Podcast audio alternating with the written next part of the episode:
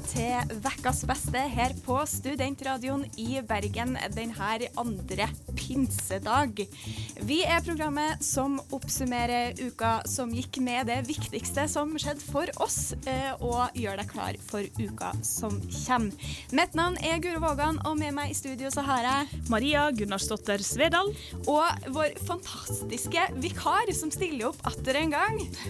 Ruth Stokke Haaland. Hei! Ukas beste vikar, faktisk. Ukas beste vikar, definitivt. I dag skal vi selvfølgelig snakke uh, litt om uh, 17. mai, og også litt annet tidsfordriv som man kan drive med kanskje på de dagene det ikke er så mye som skjer. Jeg har bitt meg merke i at det har skjedd saker og ting på vaksinefronten, så da tenkte jeg å ta opp med dere her. Ja.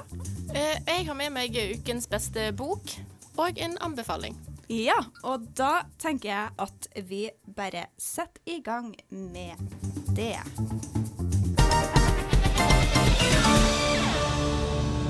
Nummer fire med Fuck lunsj der, og forrige mandag så var det 17. mai.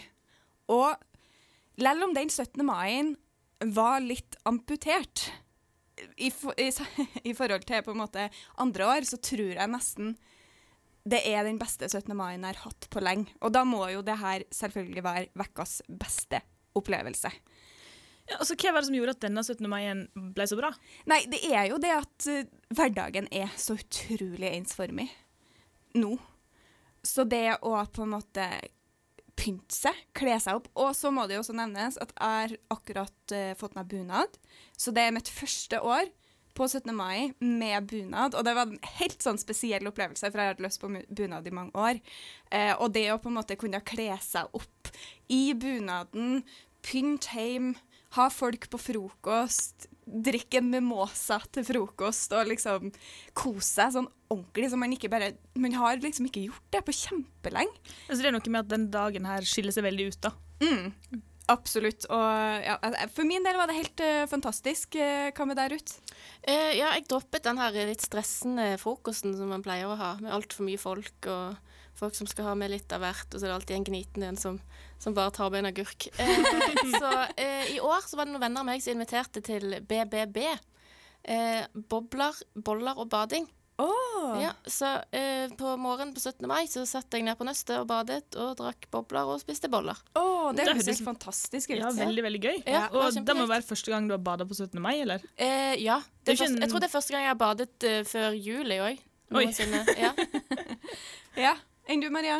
Eh, nei, Jeg hadde en veldig fin 17. mai. Jeg hadde en sånn eh, lignende frokostting, men da uten altfor mange folk. Eh, og det ble gjort om til en brunsj, fordi det er jo ikke noe en skal rekke.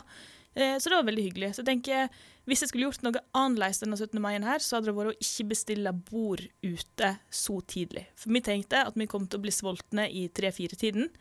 Ja, nei. nei. Der var vi jo da på ingen måte. Så da gikk vi da der vi hadde bestilt bord, for å liksom spise middag. Endte opp med å kjøpe bitte litt snacks og en øl. Så ja. vi kunne kanskje spart den der bestillingen til litt seinere, men, men, stort sett et veldig veldig gøy 17. mai. Jeg er litt enig med deg at det, det var liksom litt futt igjen. Ja. Man skilte seg ut fra alle andre dagene nå. Ja, og så tror jeg nesten det var noe med det å av restriksjonene, det med at man på en måte ikke kunne være så mange, og ikke, at det ikke var noe tog, som jeg også syns var litt digg, så man starta liksom klokka elleve i stedet for klokka åtte. eh, det å gjorde hele dagen liksom mer sånn avslappende. Så ja. Men en ting jeg syns er litt dumt med det, altså ja, jeg er veldig glad i tog, eller prosesjon, som de kaller det her i Bergen.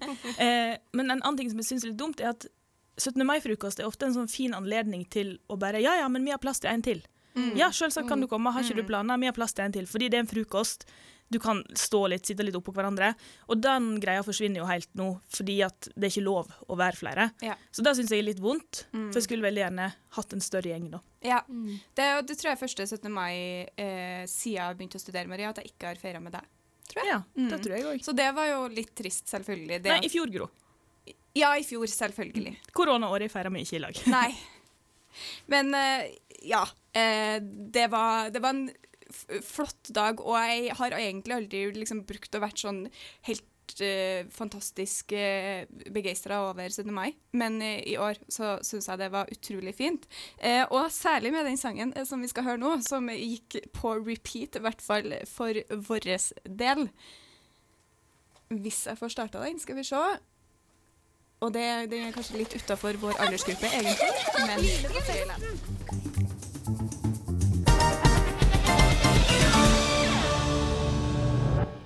Til Dovre faller, der også, som eh, sangen som ble laga av NRK Super, tror jeg, til, til grunnlovsjubileet i 2014. Ja. ja må, må nesten ha vært det. Veldig fengende greie. Ja, jeg syns det er så fint at vi liksom kan ha litt, eh, ha litt eh, nasjonalfølelse og feststemning ei hel uke etter at eh, det faktisk var 17. mai. Det, det gleder meg. Eh, og Maria, var det noe eh, nasjonalfølelse eh, på 17. mai i 1921? Du, det var det faktisk. Var for jeg tenkte at eh, denne veka her så må vi jo tilbake og se hva skjedde på 17. mai 1921 i Bergen. Eh, og det har jo det har sett i BT 18. mai 1921. Ja. Eh, og ja, dialekten min er litt spesiell på akkurat dette her, Saukjan, Akjan og Nishan, så da får du bare leve med. Eh, For dem som har problemer, oversatt altså 17, 18 og 19. Mm. Ja. Da bør alle henge med. Mm -mm. Eh, I BT så har de da laga en liten sekvens der de forteller oss eh, det viktigste som skjedde i byen denne dagen. Og jeg tenkte at jeg skulle lese noen utdrag her for dere. Eh, og så vil jeg at de skal tenke litt på Ligner dette på noe de har opplevd i Bergen, eller ikke? Og da må vi jo se for oss et normalår, da, ikke et koronaår. Sol og blå himmel fra den tidlige morgen. Vind senere på dagen, og litt regn og surt vær om ettermiddagen. Slik var den ramme naturen eh, Slik var den ramme naturen la om frihetsdagen i går. De offisielle festligheter fulgte trofast gammel tradisjon. De som ennå lå i sin seng klokken sju, ble varslet ved salutt fra Skansen at de burde stå opp. Ja, Ja, det høres kjent ut, dette. det Ja. høres veldig kjent ut, ja. Og så kommer vi da til morgenprosesjonen. Morgenprosesjonen samledes i Dreggen ved sjutiden og gikk ut derfra til divisjonsmusikken i spissen. Toget var anselig stort fra begynnelsen, og underveis kom flere og flere til, således at det var en veldig menneskemengde som til slutt marsjerte opp foran børsen. Altså, Ja.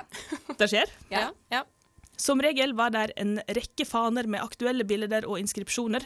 Man fikk se både brennevinssmuglingen, toll tollkrigen og målsaken illustrert. ja. Så litt andre faner, kanskje. Litt mer politisk 17. mai den gang enn enn i dag. Og så eh, videre så må jeg hoppe over et par prosesjoner, for det er så masse tog og styr her. Ja. Eh, men vi kommer da til hovedprosesjonen, som stiller på Torgallmenningen ved titiden. Og det var et stort og vakkert tog med tallrike flagg og faner, som fra Torvet marsjerte ut med engen som mål. Ja. Så ja, litt nye ruter, ja. ja. men det går ikke den hovedprosesjonen fortsatt klokka ti? Jo, man gjør det. Ja. Men står det noe om eh, eldre menn med flosshatt og lange sløyfer? Nei, det gjorde ikke det, altså. Ikke så vidt jeg kan huske, og ikke det utdraget som jeg nå har plukka fram til dere, men jeg regna med de var der. Ja, det tror jeg òg. Akkurat de samme som er der i dag. Ja, sikkert. De var bare sånn bitte små menn. Ja. eh, og litt ut på, på dagen her så har det vært en eh, matiné i teatret, og der står det at eh, den var vellykka i alle deler, unntatt den ene at orkesteret kom 20 minutter for sent, Oi. fordi det var opptatt annensteds. Publikum lot heldigvis til å ta forsinkelsen som et tillegg i programmet, og hver der noen eh, misstemning, forsvant den straks de agerende tok fatt. Jubelen sto høyt i taket, og orkesteret fikk sin velfortjente del av bifallet. Ja. ja, men så flott. Men er ikke det òg en sånn type 17. mai-ting? At eh, orkester og korps og sånt, de bare springe fra plass til plass? Ja. ja Jeg har aldri spilt i korps, men jeg ser for det, meg det. jeg har det. Vi Ja. sprang fra konsert til konsert. Og Ja. konsert var det kanskje ikke. Du følte sjøl du spilte konsert? Jo, men det syns jeg du kan kalle det på, Ja. på 17. mai. Apropos det, jeg syns det var utrolig kult at, eh, at eh, Garden på, eh, i Oslo på, på Operataket eh, spilte Mandalorian-team. Eh, det, det, var, det, det var tøft. Hadde ikke skjedd i 1921, tror jeg. nei, det hadde ikke, men ja, det var, det var utrolig tøft. Men det skjedde gøye ting i 1921 òg. Det var nemlig de utendørs forlystelser. De arta seg som vanlig med klatring i stenger i Byparken, hvor det var mange verdifulle gjenstander man kunne vinne. Ja. Og videre folkefest i Nygårdsparken om kvelden. Altså, jeg kjenner at jeg er ikke så veldig overraska over at det ikke er så mye som har forandra seg, egentlig. Nei, fordi den her 17. mai-tradisjonen står så sterkt Ja. i Bergen. Mm. Ja, og særlig i Bergen. Så jeg føler at Bergen er, en, er en, en by som er glad i tradisjoner. Ja, og nå er det jo sånn at på denne dagen her så er det jo ganske mange ganske like ting som skjer rundt omkring i Norge. Ja. Men det er noe eget i Bergen, altså. Ja. Ja, det er flott. Det var flott, eh, flott i år, og flott at uh, kirsebærtrærne, som vi snakka om for noen uker siden, uh, også blomstra på 17. mai, for det er ikke hvert år. Uh, så ja, det var, det var skikkelig, uh, skikkelig flott.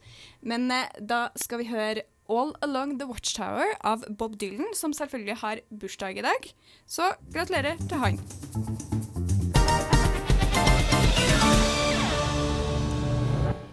Da var vi kanskje omsider ferdig med 17. mai-feiringa, og skal over til deg, Ruth, som har du, du har rett og slett med deg ukas beste bok. Ja, jeg har med meg ukens beste bok. Eh, kom vel kanskje for et par uker siden, men det er to uker siden vi var her sist. Ja.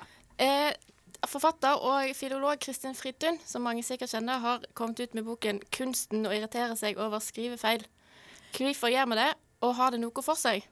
Ja. Det er jo en, eh, Jeg er interessert allerede der. Interessant tittel. Ja, Ja. Veldig bra tittel. Og ut, altså, frampå boken eh, så er den altså utformet, eller bildet er som en sånn gammeldags, gammeldags eh, ordbok. Ja.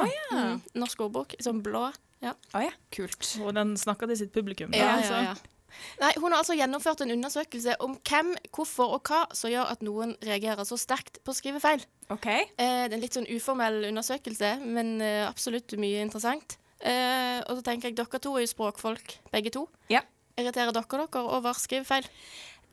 Nei, jeg irriterer meg ikke over skrivefeil. Det jeg derimot irriterer meg over, er at folk kommer til meg fordi de vet at jeg studerer språk, og eh, irriterer seg til meg over skrivefeil. Ja. Og, og ha, går ut ifra at jeg også skal irritere meg over det fordi jeg studerer språk. Eh, og så er det stikk motsatte egentlig Mm. tilfellet, fordi at eh, jeg, jeg vet ikke helt, men jeg føler sånn jevnt over at de som studerer språk, har mye større ja, de, de tåler mer, da. Når Ja, de men der, der sier du noe. For eh, hun Kristin Fridtun sjøl språkinteressen hennes begynte som 17-åring. Eh, så begynte hun på nordisk, faktisk.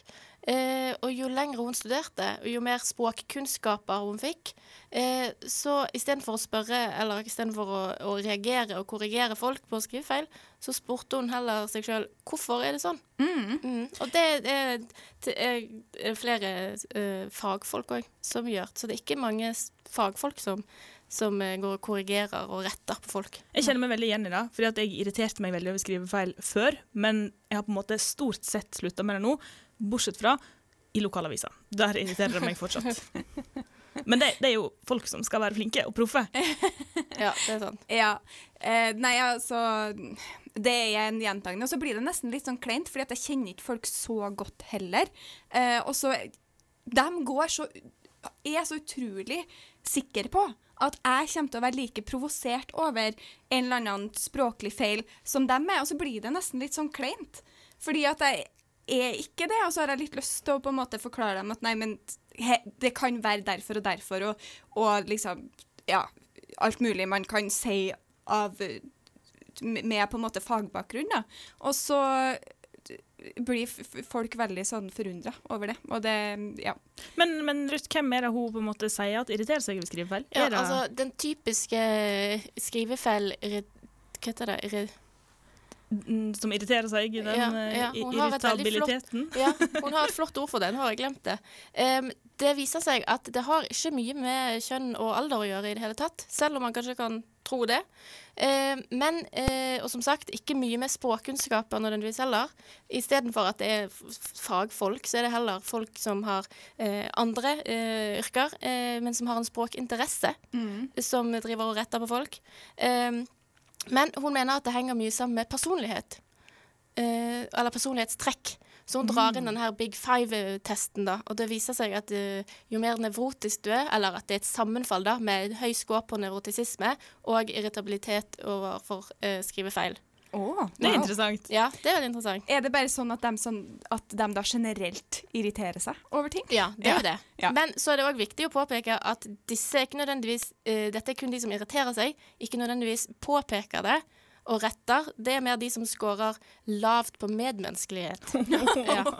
Og hvis du har komboen høy eh, nevrotisisme og lav eh, medmenneskelighet, så blir du den typiske kverulanten sant, som skal diskutere kun for å ha rett. Ja, nemlig. Ja, for det, nemlig. jeg får veldig vondt av å se det i kommentarfelt når noen Ja. har prøvd å ytre meningen sin, samme om den er eh, bra eller dårlig, hvis det går an å gi en sånn vurdering.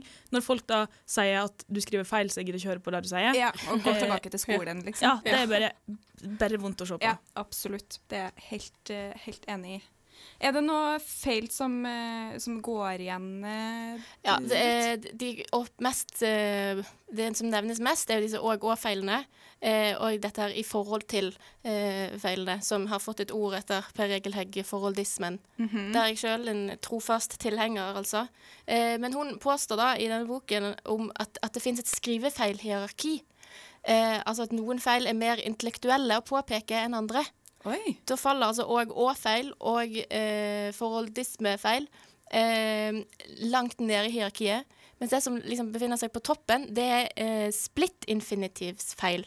Ja. Det vet ikke jeg hva er engang. Nei, det er heller. Nei, ikke jeg heller. Eh, så jeg måtte google det. Hun skriver det jo selvfølgelig sjøl òg. Det betyr altså at det står eh, et adverbial eller et annet ord eh, mellom infinitivsmerket og eh, verbet. Og det, eh, det er helt lovlig, men, eh, men det er noe som irriterer folk over. Det er noe med syntaksen, da, eller eh, noe sånt som irriterer folk over det. Ja. Så for eksempel å, å ikke ville feire 17. mai. Ja. Det vil folk da mene at det er feil. og dette er en intellektuell eh, skrivefeil. Eller påpeking av skrivefeil. Nå skal jeg begynne å påpeke den. men er det feil? For meg så høres det helt Ja, riktig ut. Ja, det er riktig. Det er lov å skrive. Ja, både på nynorsk og bokmål. Ja. Mm. Ja, men da skjønner ikke jeg hva de, eh, hva de klager over. Men er dette ei bok som du på en måte syns at alle skal springe og kjøpe? Hva får jeg ut av å lese denne boka? Nei, det er veldig artig. Det er veldig, veldig morsomt. Masse eksempler. Hun viser til, til mye avisartikler. Eh, og språkdebatter generelt er veldig mye av det i eh, norsk offentlighet. Eh, og så på slutten så har hun en sånn irritabel sjekkliste. Så hvis du er en av disse som virkelig irriterer deg og får en eller annen reaksjon på noe skrivefeil, så bør du lese den. Eh, tusen takk for tips, Ruth. Jeg tror kanskje jeg skal lese den sjøl, så jeg kanskje har noen eh, argumenter å komme med når jeg møter de her som vil, vil irritere seg over skrivefeil i lag med meg.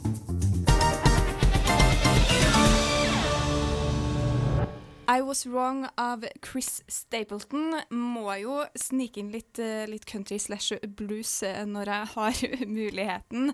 Maria, det er jo noe som har skjedd eh, i uka som gikk, som påvirker oss i aller høyeste grad. Ja, det her er jo på en måte noe som jeg føler skjer hele tiden, og jeg kaller dette her ukas beste spørsmålstegn nye koronating. Ja.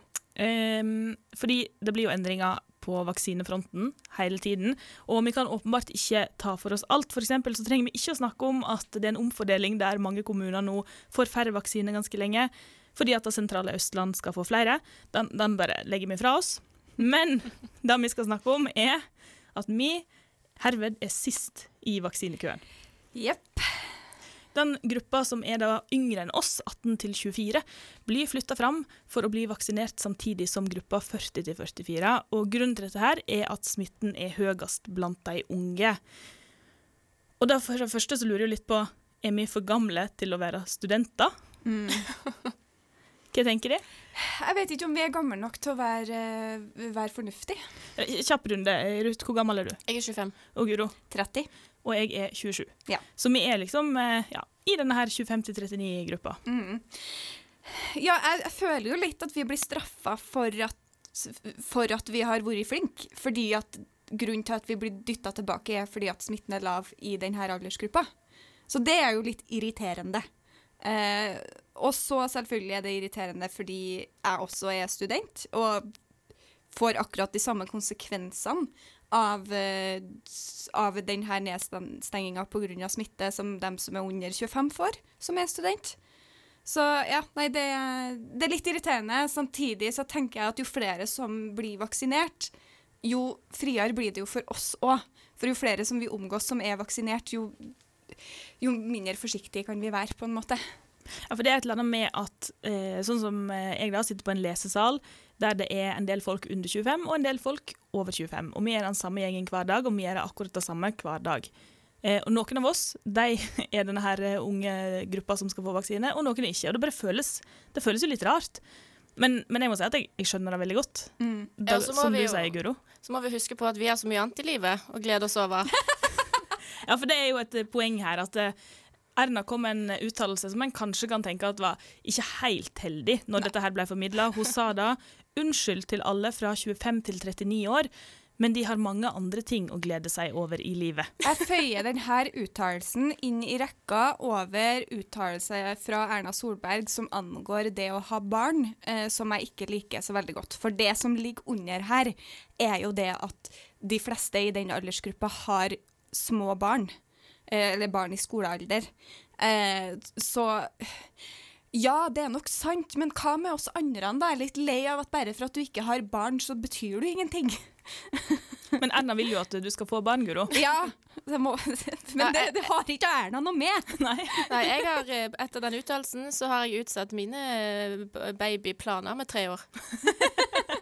Bare for å gi langfingeren til Ja. Erna Solberg, liksom. Yep. Ja. Nei, men vi må jo si at eh, det er helt, helt greit, denne Ja. her fordelingen. Forstår det, det er en eh, gjeng med førsteårsstudenter, det er et russekull, det er et russekull som nå er førsteårsstudenter. Mm. De syns jo synd på. Mm. Og det er ikke sånn at alle de har vært ute og festa, sånn som folk skriver i kommentarfeltet. Nei. Ja, noen har gitt, folk, eh, noen har gitt gruppa et dårlig rykte, men eh, oss som studenter vi har òg fått et dårlig rykte dette siste året Mm. fordi at noen har ikke fulgt reglene til punkt og prikke. Så jeg tenker at eh, vi må bare forstå det og akseptere at vi er sist, og glede oss over at det går framover. ja, og bare husk på det at jo flere som blir vaksinert, jo færre er det som er smitta, og jo færre det er som er smitta, jo friere blir samfunnet for oss òg. Så det er ikke sånn at bare fordi at vi ikke blir vaksinert, så blir vi innestengt i våre egne hjem. Eh, altså eh, det at det blir mindre smitte i samfunnet, er positivt for oss også. Så vi må bare prøve, prøve å tenke på det, tror jeg. Og så tenker jeg også, Ikke bestill sydentur fordi at jeg har sagt sånn Nå kan det hende de får vaksine i slutten av juli. Bare, bare vent til neste Ja, år. Ta, kan ikke vi ta det, ta det til vinteren i stedet? Når det er kaldt og drit uh, i Norge, og så kan vi kose oss med norsk sommer uh, i lag.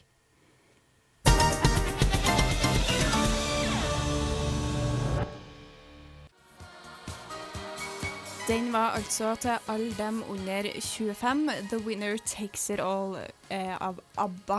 Ingen mandag uten ABBA! Ingen mandag uten ABBA. Eh, og 17. mai forrige mandag var gøy, men resten av uka var jo mye det samme som det har brukt å bli. Ferdig med feiringen her nå. Ja. Ja da. og da må man jo ha eh, noe å holde på med, så da har jeg nemlig med ukas beste tidsfordriv. Og det er altså eh, det nettleserbaserte spillet GeoGuessr. Har dere hørt om det? Aldri. Jeg har prøvd det, tror jeg. Ja.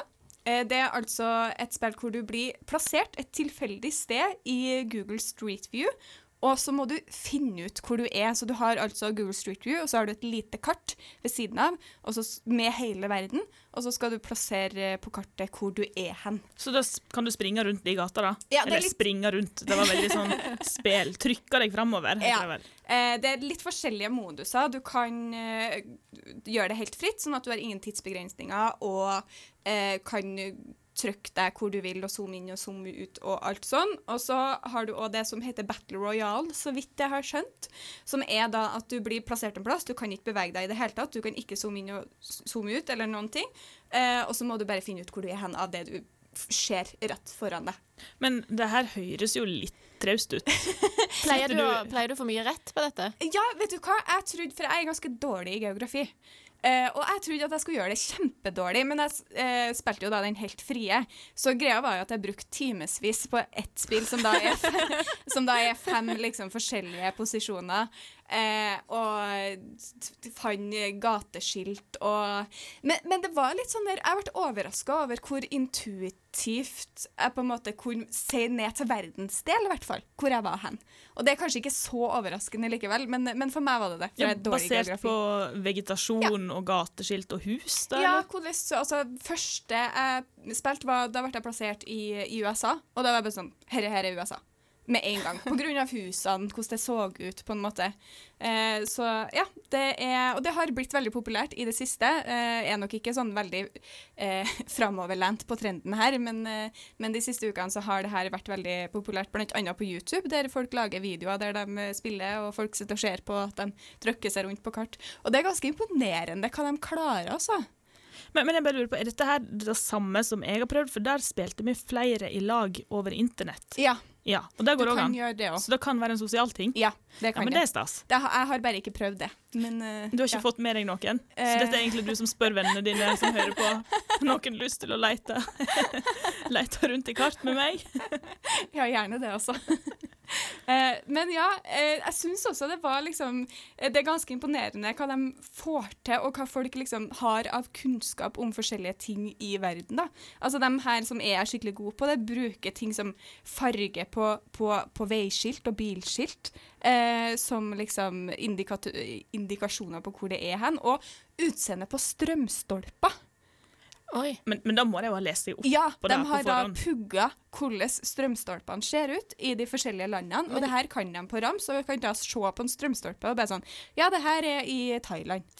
Men hvor Er dette noe for deg, Ruth? Pugg og strømstolper? Um, nei, jeg, jeg tenker hvor forskjellig kan en strømstolpe se ut fra land til land? jo, ganske forskjellig, Ja. tydeligvis. Forskjellig nok til at landet i hvert fall kan, kan identifiseres ut ifra det.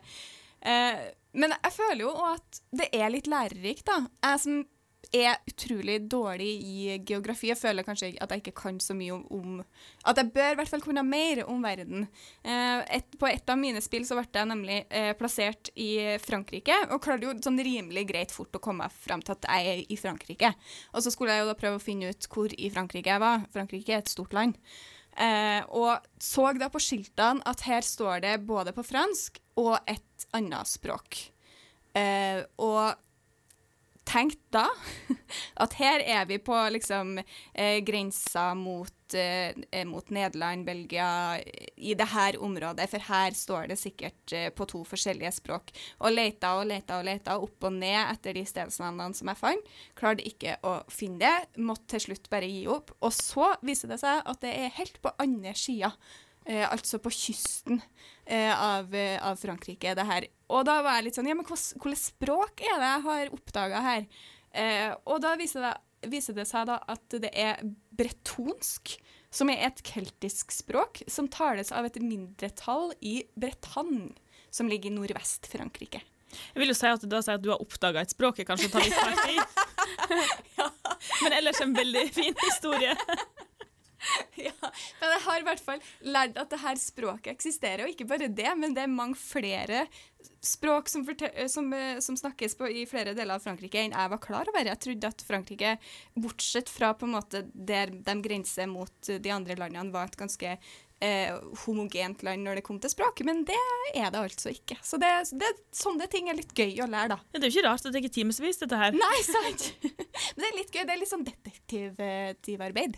Er det noe liksom, du har lyst til å prøve ut? Ja, kanskje jeg skal prøve? Ja, Ja. det, det Blir man, jeg. blir man sendt til liksom, storbyer og sånt, eller er det helt tilfeldig? Eh, Det er flere forskjellige typer kart som du kan velge. Okay. Så her kan du velge eh, altså eh, storbyer, eh, liksom monumenter. Det er, en, eh, det er et kart som heter For Dummies, eh, der det er liksom sånn Herre bør du vite hvor er hen, på en måte.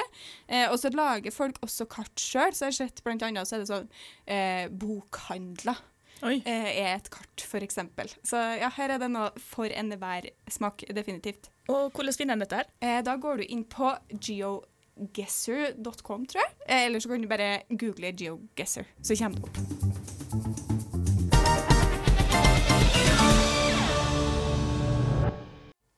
Not Coming Home Tonight av Rebmo, ukas låt her på Studentradioen i Bergen. Og det holder på å nærme seg slutten på denne sendinga. Og vi har jo alltid en anbefaling, og det er det du som har med i dag, Ruth. Ja, det har jeg.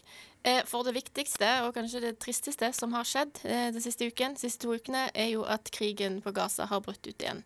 Eh, nå er det riktignok eh, inngått en våpenhvile, eh, men det er vel bare et tidsspørsmål før det bryter ut igjen. Eh, Absolutt et poeng at det er jo noe vi kanskje bør nevne her. Ja. Ja.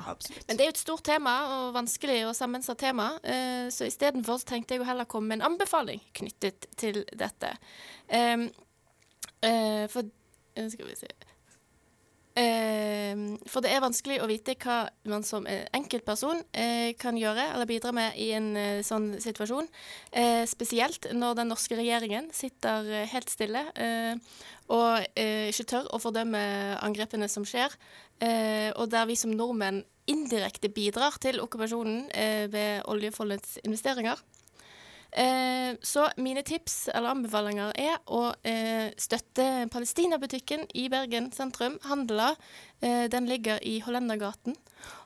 Hvilke type ting eh, kan en skaffe seg der? Oh, det er mye forskjellig. Eh, det er eh, keramikk fra Hebron. Det er oljer og såper fra Betlehem. Og det er tekstiler, bøker, kaffe. Eh, alt mulig, egentlig. Som er produsert av forskjellige arbeidskollektiv eh, ja, i, i Jordan, i Libanon og Palestina. Mm. Det var jo en kjempefin anbefaling å, å komme med, syns jeg, Ruth. Eh, tusen takk for det. Jeg, jeg var ikke klar over at denne butikken eksisterte. Men den skal jeg eh, definitivt ta turen innom, og det oppfordrer vi alle andre som hører på, til å gjøre også.